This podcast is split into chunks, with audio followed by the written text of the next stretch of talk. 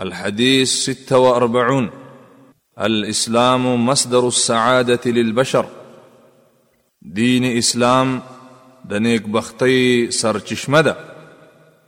عن عبد الله بن عباس رضي الله عنهما قال كان رسول الله صلى الله عليه وسلم يقول بين السجدتين في صلاه الليل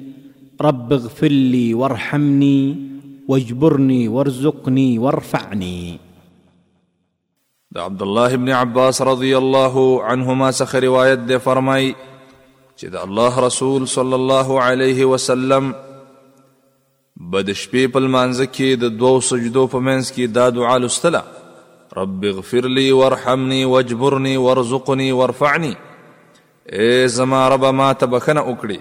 او په ما باندې رحم وکړي او ما ته هدایت وکړي او ما ته روزي راکړي او ما ته عافیت راکړي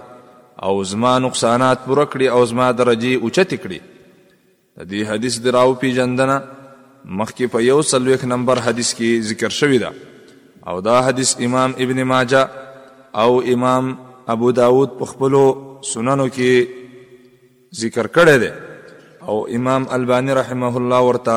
صحیح ویلی دی من فوائد هذا الحديث د دې حدیث د فواید څخه اول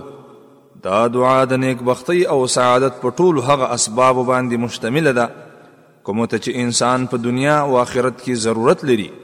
او همدارنګه د دې دعا په وجه باندې انسان